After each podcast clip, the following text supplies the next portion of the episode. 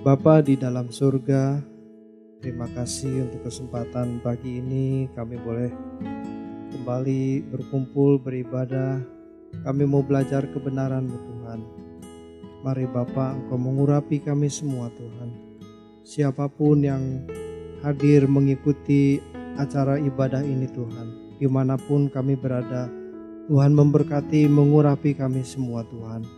Mari Roh Kudus menolong kami memberi pengertian agar apa yang kami dengar, kami pelajari pagi hari ini boleh memberkati kami, mengubah pola pikir kami Tuhan, memperbaharui pikiran kami. Terima kasih Tuhan. Di dalam nama Tuhan Yesus kami berdoa. Amin. Shalom Bapak Ibu, selamat pagi. Kita kembali berkumpul pagi ini, kita mau kembali belajar kebenaran firman Tuhan.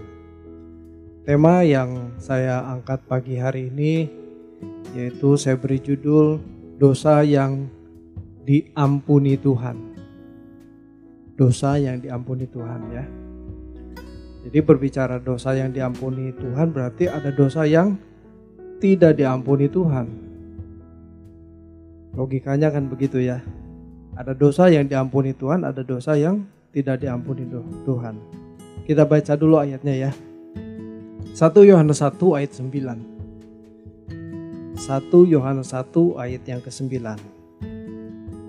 Jika kita mengaku dosa kita, maka ia adalah setia dan adil, sehingga ia akan mengampuni segala dosa kita dan menyucikan kita dari segala kejahatan. Jadi rupanya begini Bapak Ibu. Seberapa besar dosa yang kita lakukan, kalau diakui kita mengaku dosa kita, maka ia setia dan adil akan mengampuni dosa kita. Jadi ini adalah semacam kayak uh, match gitu ya, pasangan. Kita manusia tidak mungkin tidak berbuat dosa. Walaupun kita dalam konteks berjuang hingga kita tidak berdosa lagi. Ya kita jangan apatis. Wah kalau gitu kita nggak mungkin uh, lepas dari dosa. Bisa tetapi seberapa besar dosa kita yang kita lakukan? Oke sekarang kita mau uh, bahas dari sisi pengampunannya pengampunan dosa Allah maha pengampun Allah punya banyak pengampunan tinggal kita mengakui karena banyak orang yang sudah jelas-jelas salah, tetapi berkelit, ngeles, tidak mau mengakui kesalahannya. Ini masalahnya. Nah, rupanya hal itu sudah diturunkan dari sejak dosa awal. Kalau kita ingat cerita awal kejatuhan manusia ya, Adam dan Hawa itu jatuh karena apa? Ingin menyamai Allah yang maha tinggi. Ia disuntikan oleh pikiran iblis. Iblis kan berambisi ingin menyamai Allah yang maha tinggi, ya. Nah, ketika Hawa digoda, Hawa terjatuh. Dia kepikir, wah enak juga ya bisa menyamai Allah begitu. Maka ketika si Hawa ini sesudah makan buah yang dilarang itu, dia merasa, uh, dia merasa telanjang. Lalu ketika Allah berjalan-jalan di taman itu, dicari, ditanya, Adam di mana kamu? Kenapa bersembunyi? Lalu si Adam bilang, malu karena telanjang. Loh, siapa yang ngasih tahu bahwa kamu telanjang? Ah, ini jadi masalah. Apakah kamu makan buah yang kularang? Allah bertanya demikian. Jadi Adam ini merasa berdosa karena dia sudah melanggar apa yang dilarang oleh Allah. Tapi dasar manusia ya, dia tidak mengakui, tidak bisa, tidak bilang iya gitu loh. Tidak, Adam bilang apa? Ketika ditanya, perempuan itu yang memberi aku makan, maka aku makan. Begitu. Waduh, ini kalau kita baca kisahnya di kejadian pasal 3 mulai ayat yang ke-9 sampai ke-13 kurang lebih potongan ceritanya begitu ya. Jadi perempuan yang kau tempatkan di sisiku dialah yang memberi dari buah pohon itu kepadaku, maka aku makan. Lalu Tuhan bertanya kepada perempuan karena si Adam ini melemparkan bola panasnya ke perempuan itu ke istrinya, ke Hawa. Maka tanya lagi, apakah yang kau perbuat ini? Maka jawab perempuan itu, ular yang memperdaya aku. Maka aku makan. Tuh, lihat ya. Ketika manusia pertama berbuat dosa, melanggar apa yang diperintahkan Tuhan, jangan makan buah dari pohon pengetahuan baik dan jahat. Dia makan. Maka ketika diminta pertanggungjawabannya, bukan aku nih gara-gara dia nih perempuan ini. Kan Tuhan yang tempatkan perempuan ini di sisiku. Nah gara-gara dia ini Tuhan. Tuh les kan. Tidak mau mengakui. Perempuan itu Hawa juga ditanya sama. Bukan aku. Nih ular. Wow. Tidak dengan rendah hati mengakui kesalahannya. Sudah terlalu banyak orang-orang di sekitar kita yang kita bisa melihat udah jelas-jelasan salah, masih berkelit gitu ya. Masih ngeles gitu. Tidak mau mengakui. Tidak dengan rendah hati, ya aku salah Tuhan. Tidak. Maka ini sulit bagi Allah untuk mengampuni. Nah, pagi ini kita belajar dari seorang yang bernama Yehuda. Yehuda ya. Tadi mengenai kisah Adam, Adam tidak mau mengakui, Hawa pun tidak mau mengakui. Ular itu kan nggak perlu ditanya, itu kan representasi dari iblis. Nggak perlu ditanya. Nah sekarang kita mau belajar dari Yehuda. Yehuda ini seorang yang memiliki perilaku buruk. Banyak akalnya. Yehuda. Ini Yehuda ini anak keempat dari Yakub. Dia punya saudara uh, Yusuf ya. Kalau kita baca di Kejadian pasal 37 sampai akhir kitab itu ayat eh, pasal ke-50 itu semuanya cerita tentang Yusuf. 37 mulai dari Yusuf muda bagaimana dia disayang, diperhatikan oleh Yakub sehingga menimbulkan iri hatinya, dia mimpi bagaimana tunas-tunas dia uh, muncul dan tunas-tunas uh, saudara-saudaranya itu menyembah dia, itu menimbulkan iri dari saudara-saudaranya. Oke? Okay? Nah, yang menarik begini. Itu kan dari 37 sampai 50, pasal 37 sampai pasal 50 itu kan semua tentang cerita tentang Yusuf. Tetapi Musa itu menyisipkan sebuah drama tentang Yehuda. Nah, ini menarik di pasal 38. Nah, tentu ini sebuah kontroversi yang luar biasa. Yusuf mempunyai prestasi moral yang sangat baik. Nyaris tidak bercacat celak. Nyaris sempurna. Bayangkan dia digoda oleh istri Potifar. Lulus lu ujiannya. Hebat. Bayangkan namanya istri Potifar itu kan pejabat, pasti cantik. Pasti luar biasa, tapi otaknya rusak. Masih doyan daun muda. Tetapi Yusuf ini luar biasa. Sampai Yusuf bilang begini. Kejadian 39 ayat 8. Tetapi Yusuf menolak dan berkata kepada istri tuannya itu, dengan bantuanku tuanku itu tidak lagi mengatur apa yang ada di rumah ini dan ia telah menyerahkan segala miliknya kepada kekuasaanku. Ayat yang ke-39. Bahkan di rumah ini ia tidak lebih besar kuasanya daripadaku dan tiada yang tidak diserahkannya kepadaku selain daripada engkau. Perhatikan ini kan ngomong sama istrinya Potifar. Sebab engkau istrinya. Tuh, Yusuf masih tahu ini yang diserahkan, ini yang tidak. Jadi otaknya masih benar.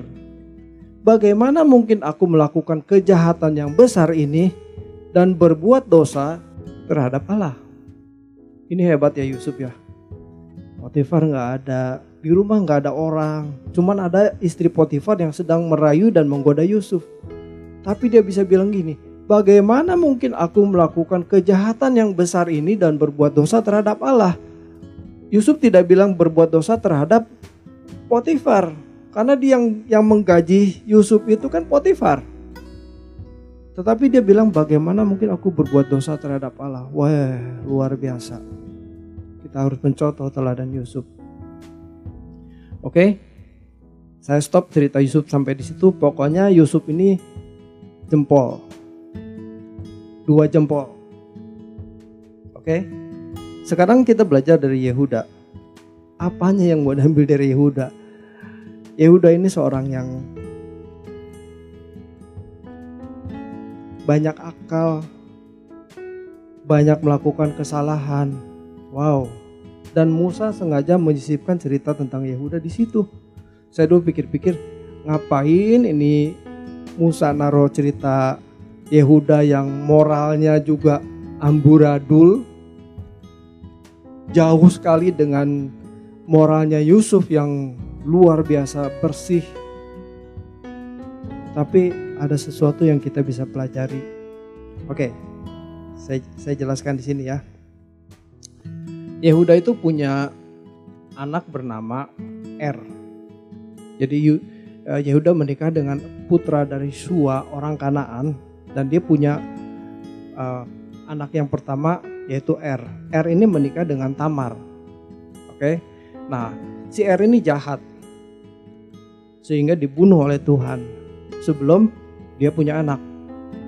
Nah, kebiasaan waktu itu ada peraturan levirat jadi ke, kalau si R ini menikah dengan seorang wanita dan dia belum dan dia mati sebelum dia punya anak, maka adiknya, adiknya R ini ini bernama Onan ini harus menggantikan posisi R menikah dengan Tamar. Begitu. Itu perkawinan Levirat. Jadi si R ini mati kemudian Onan ini ditugaskan atau dia berkewajiban menggantikan posisi supaya memberi keturunan kepada R. Oke? Itu budaya waktu itu begitu. Tapi si Onan ini mikirnya jelek juga. Wah, kalau aku kawin sama si Tamar ini kemudian uh, punya anak, maka anaknya bukan anak bukannya anak si Onan tapi anaknya si R dia nggak mau dia nggak rela. Maka setiap kali dia bersetubuh dengan si Tamar itu spermanya dibuang. Wow. Jahat sekali begitu ya. Dia menikmati persetubuhan dengan Tamar tetapi dia tidak mau memberikan keturunan ini jahat sekali maka Tuhan melihat perbuatan Onan ini jahat maka Onan juga dibunuh oleh Tuhan mati lagi begitu ya ceritanya.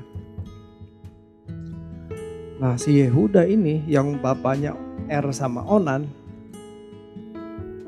itu ngelihat wah ini perempuan-perempuan sial nih. Anak gua dua-duanya mati. Nah kalau mengikuti peraturan perkawinan Levirat maka adiknya si Onan ini juga harus menikah dengan si Tamar karena dia masih punya adik namanya Sheila. Tapi Sheila masih kecil. Jadi si Tamar bilang begini sama sama Tamar. Udah kamu pulang dulu ke rumah orang tuamu dengan uh, perkabunganmu dengan pakaian perkabungan.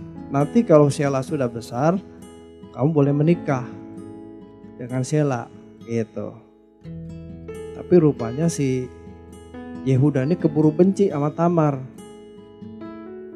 Karena kalau nanti si Sela ini dikasih ke Tamar, jangan-jangan Sela juga mati begitu.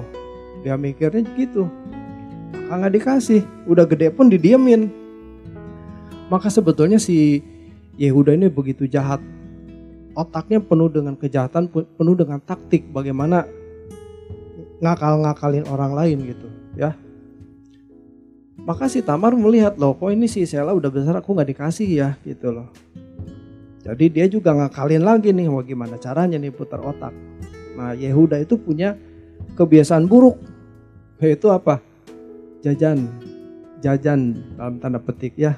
Suka pergi ke tempat pelacuran. Satu kali ketika ada uh, pengguntingan bulu domba, dia pergi ke sana, ke daerah namanya Timna.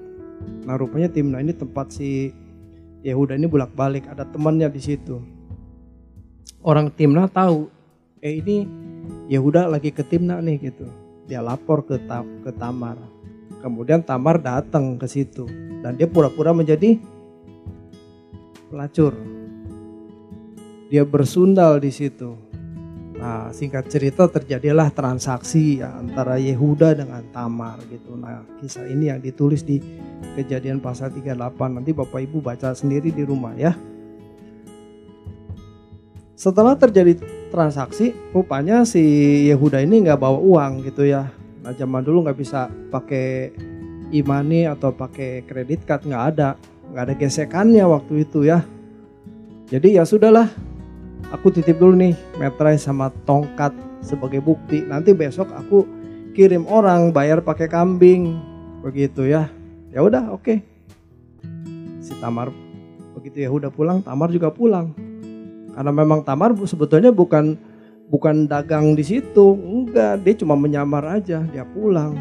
Kebesokan harinya ketika uh, si Yehuda ini datang atau kirim orang untuk ke situ untuk nebus uh, tongkat dan metranya, nggak ketemu.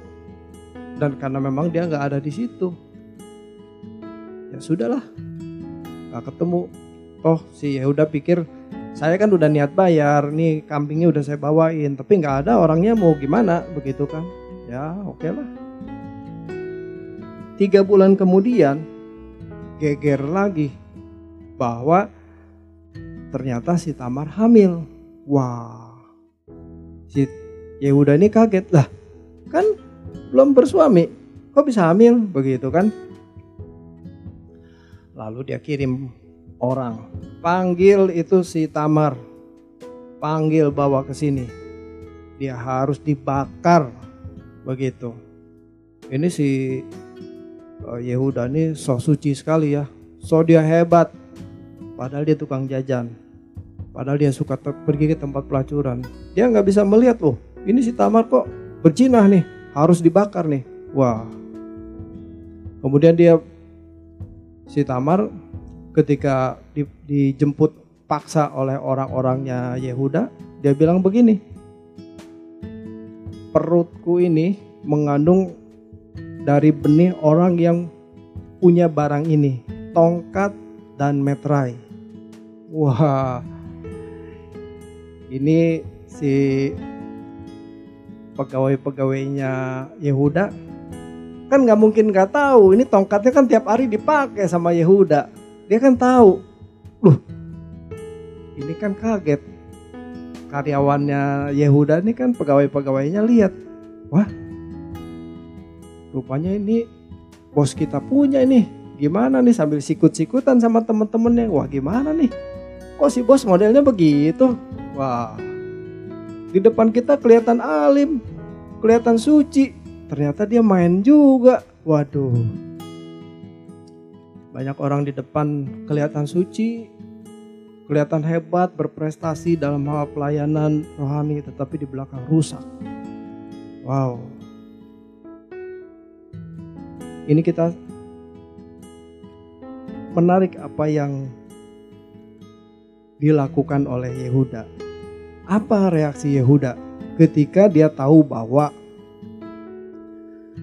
yang membuat Tamar menantunya itu hamil adalah dirinya sendiri dan ketahuan gitu ya. Kejadian pasal 38 ayat 26 bunyinya begini. Yahuda memeriksa barang-barang itu. Jadi ditunjukin. Uh, Yahuda juga kaget. Waduh. Ternyata ini dulu nih. Tongkatku sendiri begitu ya. Lalu berkata, bukan aku. Tetapi perempuan itulah yang benar.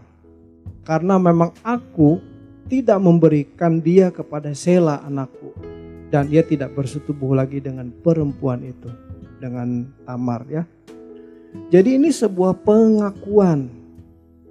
Pengakuan di mana Yehuda ini berbuat salah. Bayangkan itu di depan pegawai-pegawainya. Dia tidak malu loh itu. Demi sebuah pengakuan. Bukan aku yang benar. Perempuan ini yang benar. Jadi kesalahannya karena dia tidak memberikan Sela anaknya itu kepada Tamar. Karena memang peraturannya harusnya begitu. Adik adiknya yang laki-laki itu menggantikan kakaknya yang mati. Nah, yang menarik di sini adalah bukan hanya pengakuan, tetapi dia berubah, bertobat. Ayat ini mengatakan dan ia tidak bersetubuh lagi dengan perempuan itu. Bayangkan, si Tamar itu kan mengenakan pakaian perkabungan karena dia janda dari uh, Er dan Onan. Kalau dia dibebaskan dari pakaian perkabungan, dia bisa menikah lagi dengan pria lain. Tetapi ini ditahan. Ini si Yehuda ini kejam sekali ya.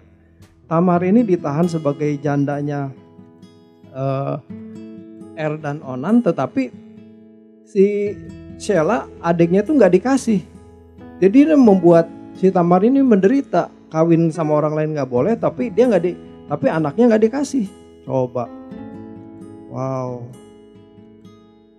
Tetapi dia bertobat, bertobat di situ, dan dia mengakui kesalahannya. Ini salahku. Yehuda sadar bahwa dirinya berdosa, bukan perempuan itu, dan ia menyesal dan tidak bersetubuh lagi dengan Tamar. Yehuda memang seorang yang suka jajan, suka pergi ke tempat pelacuran dan dia menuduh Tamar yang berzina. Namun ketika tongkat dan metra itu ditunjukkan bahwa dirinya lah pelaku perzinahan itu, maka dia bertobat dan mengakui dan tidak mengulangi kesalahannya. Saya jadi teringat cerita tentang ketika Tuhan Yesus menghadapi seorang wanita yang dibawa oleh ahli Taurat dihadapkan ke Tuhan Yesus dan mengatakan begini, Tuhan wanita ini kedapatan sedang berzina. Hukum Musa dan Taurat mengatakan bahwa kalau seorang wanita kedapatan berzina, dia harus dilempari dengan batu.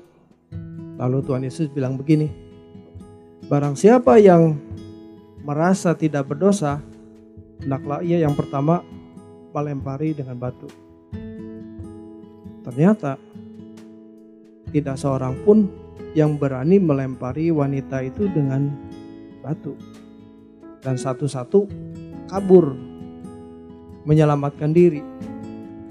Nah, kita bisa lihat ketika tidak ada orang lain di situ dan hanya Tuhan Yesus dengan wanita pelacur itu, Tuhan tanya, gak ada yang melempari kamu dengan batu? Gak ada Tuhan. Aku pun tidak akan menghukum kamu. Pulanglah. Ini yang penting pesannya. Pulanglah dan jangan berbuat dosa lagi. Oke? Jadi ketika dia mengakui dosa, bertobat, jangan berbuat dosa lagi. Kita punya dosa sebesar apa pun diampuni. Tetapi kalau kita setelah diampuni lalu kita berbuat dosa lagi, nggak bisa diampuni lagi. Karena Tuhan bilang jangan berbuat dosa lagi. Nah, Yehuda ini juga bertobat, mengakui dan dia tidak melakukannya lagi. Dia tidak lagi bersetubuh dengan Tamar. Dia bertobat. Jadi kita lihat polanya. Nah, ada satu contoh lagi yang luar biasa. Kita ingat cerita Daud ketika dia mengambil istri Uria. Wah, itu saya bilang Daud ini raja tega ya. Raja tega. Uria itu kan prajuritnya yang setia. Tapi bisa-bisanya gitu ya. Itu istrinya diambil gitu. Dengan cara apa? Disuruh perang. Istrinya ditiduri. Ketika dia tahu hamil, waduh, hamil nih. Ya udah, si Urianya jangan suruh perang. Suruh pulang ke rumahnya. Supaya dengan harapan, oh nanti kan kalau pulang dia tidur sama istrinya, istrinya hamil ya sudah, anggap aja kan si Uria gitu loh. Tapi dasar Uria itu kan prajurit yang setia ketika dia tidak dikirim untuk berperang, dia duduk-duduk di depan istana. Si Daud bingung. Wah, kok dia nggak pulang ya? Ketika ditanya, bagaimana mungkin aku happy-happy di rumah tidur dengan istriku sementara uh, prajurit-prajurit dan panglimanya Yoab itu sedang berperang. Dia nggak mau. Wah, Daud pusing nih. Gimana caranya yang ngakalin ya? Akhirnya otak jahatnya keluar. Dia panggil itu si Yoab. Yoab, itu si Uria. Kirim, taruh di pasukan paling depan. Dan itu yakin yang namanya perang zaman dulu kan bukan perang pakai senjata. Pakai pedang. Head to head, face to face. Jadi ya kalau yang paling depan ya babak belur, bonyok, matilah dia di situ ketika dilaporkan udah Uria udah mati Daud ambil itu istrinya Bapak Ibu tahu ketika Daud itu mengambil Betseba sebagai istri mengambil istri Uria Daud itu bukan bukannya belum punya istri bukan Daud itu udah punya istri enam dia masih ngambil Betseba istri Uria wah rusak otaknya rusak ini moralnya ini. Tetapi bedanya apa dengan Saul? Ketika ditegur Tuhan, Saul itu ngeles. Bahkan dia berbuat jahat sama Daud. Tetapi Daud ketika ditegur Tuhan, dia mengakui kesalahannya. 2 Samuel pasal 12 ayat yang ke-9. Mengapa engkau menghina Tuhan dengan melakukan apa yang jahat di matanya? Uria orang Het itu kau biarkan tewas dengan pedang. Istrinya kau ambil menjadi istrimu. Ini teguran Nathan ya, Nabi Nathan terhadap Daud. Dan dia sendiri telah kau biarkan dibunuh oleh pedang Bani Amon. Ayat 10. Oleh sebab itu pedang tidak akan menyingkir dari keturunanmu sampai selama-lamanya karena engkau telah menghina aku, ini akunya Tuhan ya, dan mengambil istri Uria orang Het itu menjadi istrimu. Saya loncat. Jadi ini Nabi Nathan menegur Daud. Kemudian saya loncat ke, ke ayat yang ke-13. Lalu berkatalah Daud kepada Nathan. Ini perhatikan kalimat sangat bagus. Daud bilang begini aku sudah berdosa kepada Tuhan. Jadi Daud seorang raja yang besar ditegur oleh seorang nabi, dia nggak ngeles loh. Dia tidak mengelak loh. Dia mengakui kesalahannya. Dan Nathan berkata kepada Daud, Tuhan telah menjauhkan dosamu itu. Engkau tidak akan mati. Wow. dosa sebesar apa pun. Kalau diakui dengan rendah hati, kita merendahkan diri di hadapan Tuhan. Tuhan, aku sudah berdosa kepada Tuhan, kepada surga. Aku melakukan hal-hal yang tidak pantas, tidak patut di mata Tuhan. Tuhan mengampuni, tetapi jangan berbuat dosa lagi. Harus berjuang terus bagaimana kita ini makin lama makin bersih makin hidup kudus. Orang-orang zaman perjanjian lama aja bisa bertobat. Daud mengakui kesalahannya.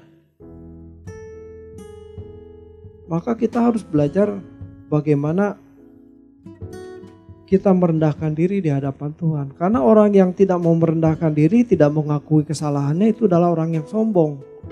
Nah orang sombong itu pasti dibenci Tuhan, nggak mungkin diampuni. Merasa dirinya hebat. Tetapi kalau kita merasa diri, aduh Tuhan, kenapa ya aku kok nggak berubah ya? Ini udah 30 tahun, 40 tahun jadi orang Kristen kok masih gampang tersinggung ya? Masih mudah marah ya? Masih mata keranjang ya. Aduh kalau lihat nona-nona cantikku masih pengen aja gitu. Wah, kita belajar mengakui kesalahan dan kita berjuang terus bagaimana bisa hidup bersih, hidup kudus, tak bercacat celah. Ada satu kalimat yang diucapkan Bapak Gembala senior kita di doa puasa kemarin. Kalimatnya berbunyi begini. Kenapa orang Kristen itu tidak berubah? Walaupun sudah mengikut Tuhan selama bertahun-tahun. Jawabnya apa? Karena rutinitasnya tidak berubah. Saya pikir-pikir, wah iya ya.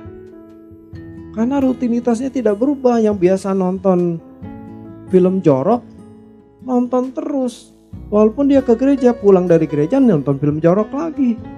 Ya gimana mau berubah?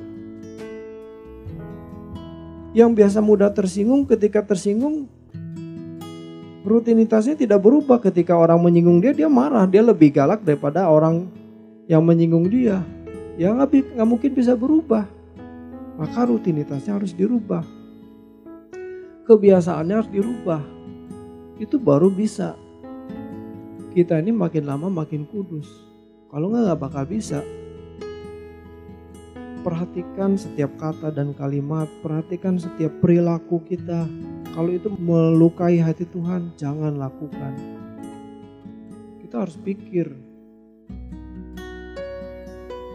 apa yang tidak menyenangkan hati Tuhan, jangan kita lakukan. Ini bukan hal yang mudah, tetapi lewat pergumulan, lewat setiap peristiwa kehidupan yang kita alami, kita bergumul di situ. Kalau enggak kita tetap aja jadi orang Kristen yang tidak berubah. Dulu, sekarang, dan selama-lamanya. Dulunya pemarah ya tetap pemarah. Dulunya mata duitan ya tetap mata duitan. Dulunya mata keranjang ya tetap mata keranjang. Padahal dulu umur 20, 30, sekarang udah umur 60 masih mata keranjang, kapan berubahnya? Mengerikan. Suatu kali ketika kita menghadap tahta pengadilan Kristus, kita tidak tahan berdiri untuk mempertanggungjawabkan semua kesalahan kita. Maka mulai dari sekarang kita benahi hidup kita. Akui segala kesalahan kita. Jangan pikir, waduh Tuhan, jangan-jangan di kuota kuota pengampunan Tuhan sudah habis nih. Enggak. Kuota Tuhan itu selalu tersedia. Tapi masalahnya kita mengakui nggak dosa kita.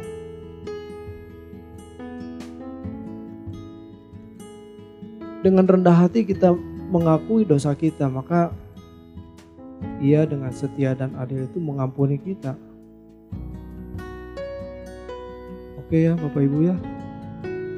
Janji ya. Yuk kita sama-sama benahi diri kita sebelum mata ini terpejam, sebelum kita menghadap tata pengadilan Kristus. Kita sudah memiliki hati yang bersih, pikiran yang bersih, dan kita menjadi orang yang berkenan kepada Tuhan. Mari kita tundukkan kepala. Bapa di dalam surga, terima kasih untuk pesanmu pagi ini pembelajaranmu yang Tuhan sampaikan bagi kami, bagaimana kami memiliki hati yang rendah, memiliki sikap rendah hati untuk mengakui segala kesalahan kami, dosa kami, perbuatan, pikiran yang tidak sesuai dengan kehendakmu Tuhan. Ampuni kami Tuhan. Dan kami mau berjuang terus bagaimana kami membersihkan karakter kami yang tidak sesuai dengan karaktermu Tuhan. Roh Kudus, tolong kami. Kami butuh pertolonganmu agar setiap langkah hidup kami, kami boleh melangkah dengan benar seperti apa yang Bapak kehendaki. Terima kasih Tuhan. Kami bersyukur pagi hari ini. Mari Bapak Ibu kita angkat kedua tangan kita. Kita menerima berkat dari Tuhan. Segala berkat dari Allah Bapa, kasih dan rahmat dari Tuhan kita Yesus Kristus, serta pertolongan Roh Kudus yang menolong kita, membimbing kita dari hari ke hari hingga kita sempurna sampai Tuhan datang kembali. Di dalam nama Tuhan Yesus Kristus kami berdoa. Amin.